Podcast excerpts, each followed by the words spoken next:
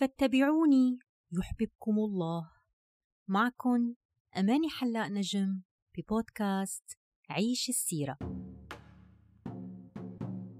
أروي لكم حياة المصطفى صلى الله عليه وسلم لنعرف الأحداث ونعيش التفاصيل نعرف لنحب ونحب لكي نطيع قال صلى الله عليه وسلم فيما رواه عنه ابن حبان وسأخبركم بأول ذلك دعوة أبي إبراهيم وبشارة عيسى ورؤيا أمي التي رأت حين وضعتني أنه خرج منها نور أضاءت له منه قصور الشام. دعوة سيدنا إبراهيم حكينا عنها بالتفصيل لما دعا هو وابن إسماعيل عليهما السلام خلال بناء الكعبة فماذا عن بشارة عيسى عليه السلام؟ هل بشرت الأنبياء بسيدنا محمد؟ وهل له صلى الله عليه وسلم ذكر بالكتب السماوية؟ خلينا نبدأ مع التوراة ومع سيدنا موسى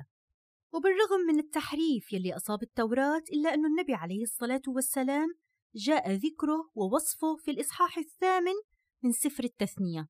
كان سيدنا عبد الله بن عمرو بن العاص رضي الله عنهما يقرأ كثيرا في التوراة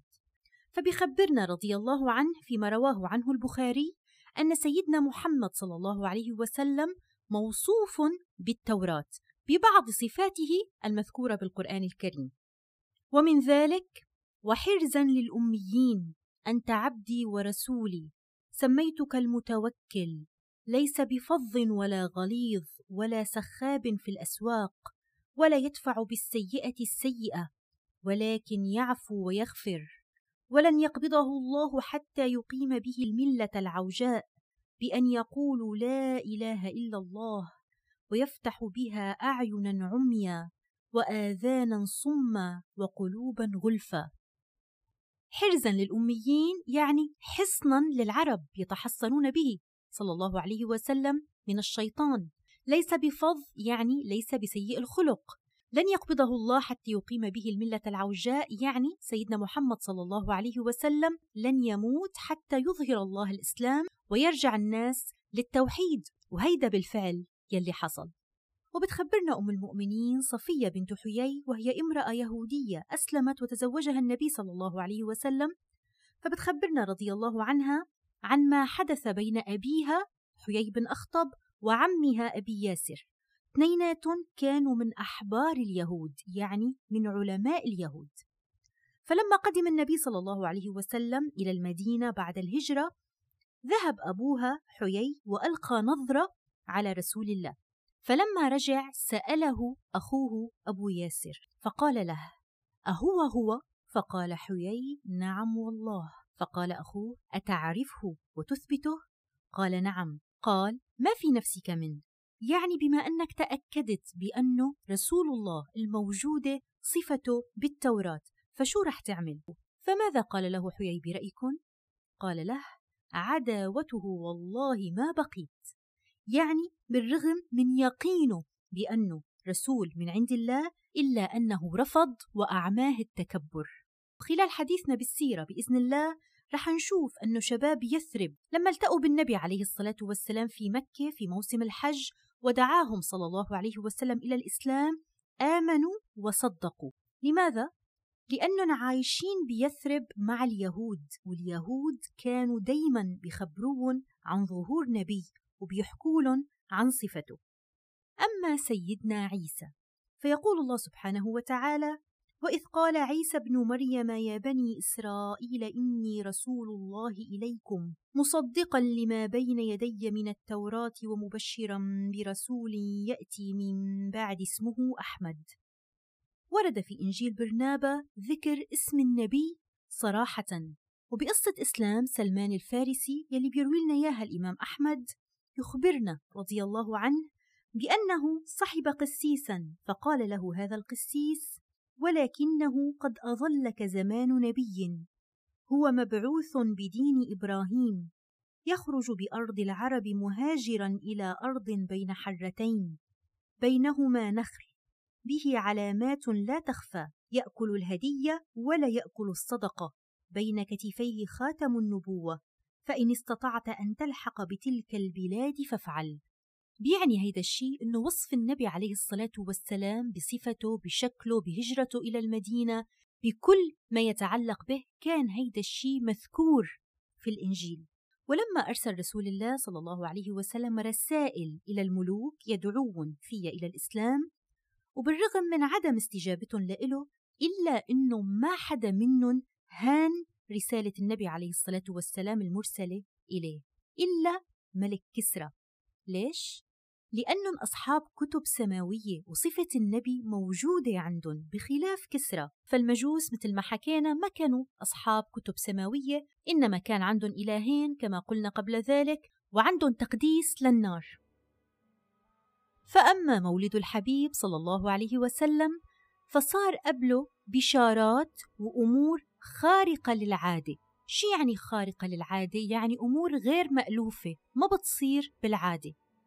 وهيدي الأمور أجراها الله سبحانه وتعالى لحتى يبشر بأنه في أمر عظيم رح يحصل وهو ولادة النبي عليه الصلاة والسلام وهيدي البشارات يلي بتحصل قبل حدوث أمر عظيم اسمها إرهاصات يعني أمور خارقة للعادة غير اعتيادية بتصير قبل حدوث أمر عظيم ذكرنا منا بالحلقات السابقة أمر حدث قبل مولد النبي عليه الصلاة والسلام بحوالي الخمسين يوم تتذكروا شو هي؟ هي حادثة الفيل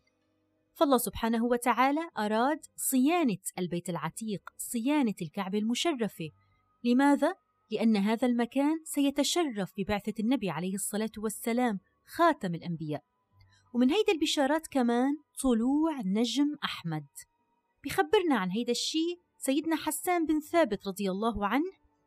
بأنه لما كان غلام عمره سبع سنين أو ثمان سنين سمع يهودي في يثرب يصرخ ذات غداة يا معشر يهود فاجتمعوا إليه فقالوا ويلك ما لك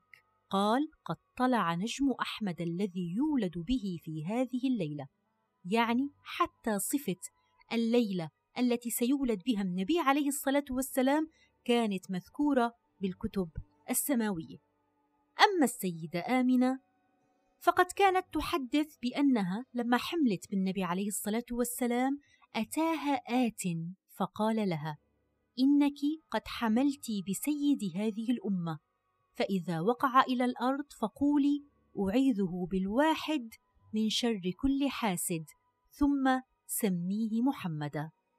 كما أخبرت السيدة آمنة بأن ما كانت تشعر بثقل بحمله صلى الله عليه وسلم مثل ما بتشعر بقية الأمهات وأنها عندما حملت به صلى الله عليه وسلم شافت نور يخرج منها فكما في الحديث الذي رواه الحاكم وابن حبان ورأيت حين وضعته نورا أضاءت له قصور الشام وقفتنا اليوم بعنوان أعظم الخلق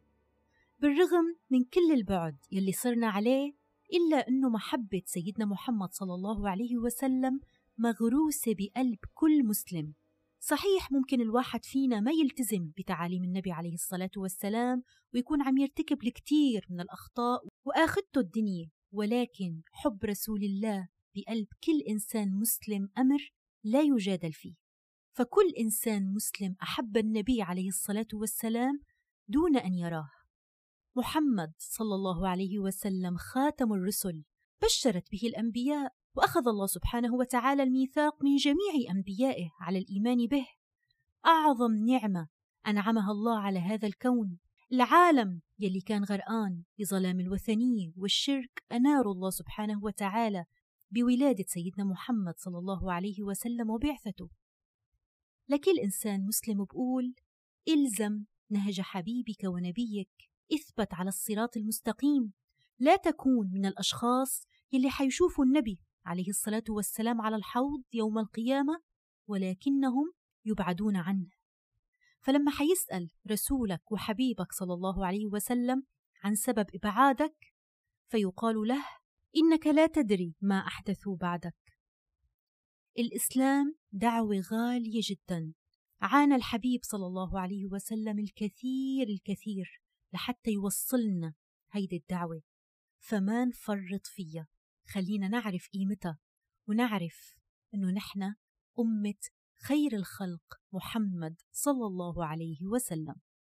كيف كانت أحداث المولد وما هي التفاصيل هيدا يلي رح نتعرف عليه بإذن الله بالحلقة القادمة لهيك شاركوا البودكاست مع معارفكم وأصدقائكم وخليكن دايما على السمع وخليكن مع بودكاست عيش السيرة